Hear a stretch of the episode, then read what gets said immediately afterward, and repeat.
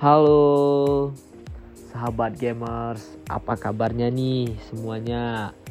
Sehat-sehat kan? Gimana nih kabar sahabat gamers di situasi pandemi COVID-19 yang belum reda ini?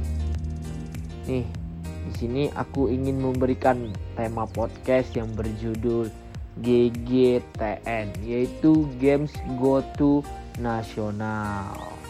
Nah, di sini banyak kan para gamers atau sahabat gamers yang ingin tahu tentang seputaran berita games tersebut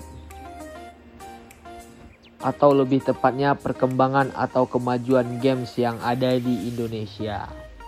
Nah, di sini aku bakal ngebahas nih tentang perkembangan dan kemajuan games yang ada di Indonesia. Nah, yang pertama aku pengen nyampe nih ke teman-teman kalau game sekarang itu sudah resmi loh diresmikan oleh Presiden Indonesia. Itu Bapak Insinyur Joko Widodo yang mana saat itu diresmikan pada tahun 2019. Bapak Insinyur Haji Joko Widodo itu meresmikannya bahwa game sudah masuk salah satu olahraga resmi yang dipertandingkan di ajang resmi yang di diadakan oleh pemerintah Indonesia atau bisa disebut dengan tim yang di bawah naungan pemerintah Indonesia. Nah, game tersebut disebut dengan e-sport atau PBSI, pengurus besar e-sport Indonesia yang ada di bawah naungan KONI Indonesia. Nah, jadi e-sport ini udah resmi loh teman-teman menjadi olahraga nasional yang ada di Indonesia. Bahkan tahun ini, tahun 2021 ini loh, e-sport sudah dipertandingkan di PON Papua. Nah, itu menjadi salah satu hal menarik, salah satu perhatian publik bahwa bagaimana bisa e-sport masuk ke dalam PON Papua 2020 itu.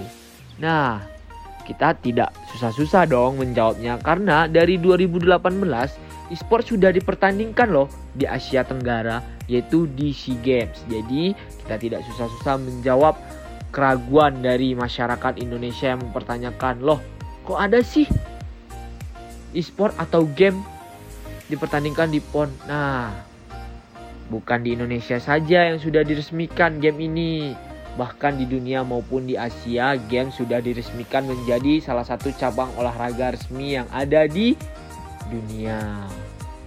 Nah, kita perlu patut bangga nih para sahabat gamers dan patut bersyukur bahwa game sudah diakui bahwa menjadi olahraga. Game tidak hanya di satu olahraga resmi yang ada di pemerintahan Indonesia saja, tetapi sudah banyak tim-tim e-sport atau tim-tim games yang sudah melakukan profesional seperti olahraga-olahraga lainnya. Yang mana tim-tim profesional itu menggaji atau menggaji pro playernya itu paling rendah itu UMR ibu kota Indonesia yaitu UMR Jakarta. Nah, Menarik kan? Main game loh, main hobi kita tapi dibayar. Siapa yang gak mau kan? Sahabat gamers pasti mau. Aku pun mau dong main game. Disediain makan, tempat, tempat tinggal, digaji. Wah bisa beli apa pun sambil main game. Nah, tapi tidak semudah yang kita bayangkan loh sahabat gamers. Banyak tuh para-para pro player melewati proses-proses yang sangat panjang. Mereka latihan setiap hari, mereka tidak tidur, mereka terus meluangkan waktu mereka agar bisa menjadi pro player atau cita-cita mereka yang mereka inginkan itu supaya tercapai. Nah, banyak juga yang belum terwujud cita-citanya menjadi pro player, tapi sekarang masih semangat untuk menjadi pro player. Nah, sahabat gamers, kalau yang dengerin podcast aku masih ada yang dari tahap proses ingin menuju ke jenjang yang lebih tinggi atau menjadi pro player, jangan putus asa dulu ya. Masih banyak kok kesempatan-kesempatan yang bisa kalian raih, kalian capai cita-cita kalian. Jangan putus asa dulu, kalian tetap semangat, tetap fokus dan jangan lupa berdoa agar kemudahan dan kelancaran kalian menuju jenjang yang lebih tinggi untuk menjadi atlet e-sport di Indonesia itu tercapai. Nah, olahraga resmi atau yang bisa kita sebut e-sport ini masuki olahraga resmi banyak loh dari masyarakat yang menuai pro dan kontra. Nah, kita bahas yang mana dulu ya? Nah, kita bahas dulu yang kontranya dulu kali ya biar lebih seru.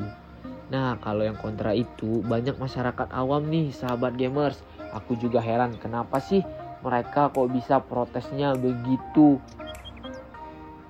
Karena kan aku ngerasa bahwa games ini sudah bisa mendapatkan penghasilan, mendapatkan duit, mengapa tidak ya kan? Untuk dia dijadikan olahraga, olahraga resmi dan Game juga sering membawa nama harum Indonesia di kancah internasional bahkan dunia sekalipun. Maka sayang banyak bibit-bibit Indonesia yang unggul untuk memainkan game tapi tidak ada wadah yang jelas, tidak ada wadah yang tepat untuk mereka. Dan juga pemerintah menjawab keraguan masyarakat Indonesia bahwa game ini tidak baik. Wow. Dan pemerintah ingin merubah mindset masyarakat Indonesia bahwa game ini bisa tidak merubah ke arah yang negatif saja tetapi banyak juga hal positif yang bisa diambil oleh e-sport atau game tersebut.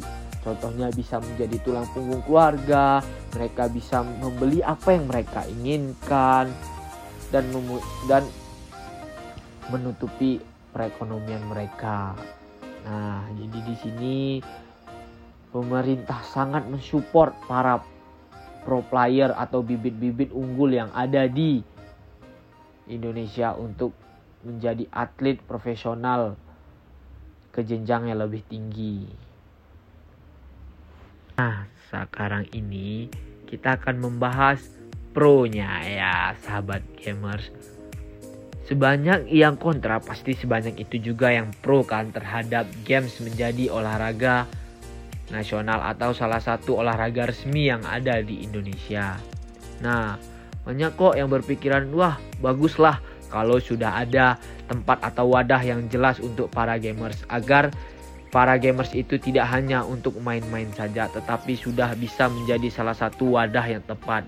Jadi banyak juga hal positif yang bisa diambil dari para gamers tersebut agar mereka bisa tahu wadah dan tahu bagaimana positifnya bermain game ini dan bisa menutupi ekonomi mereka seperti yang sudah aku sampaikan sebelumnya para sahabat gamers.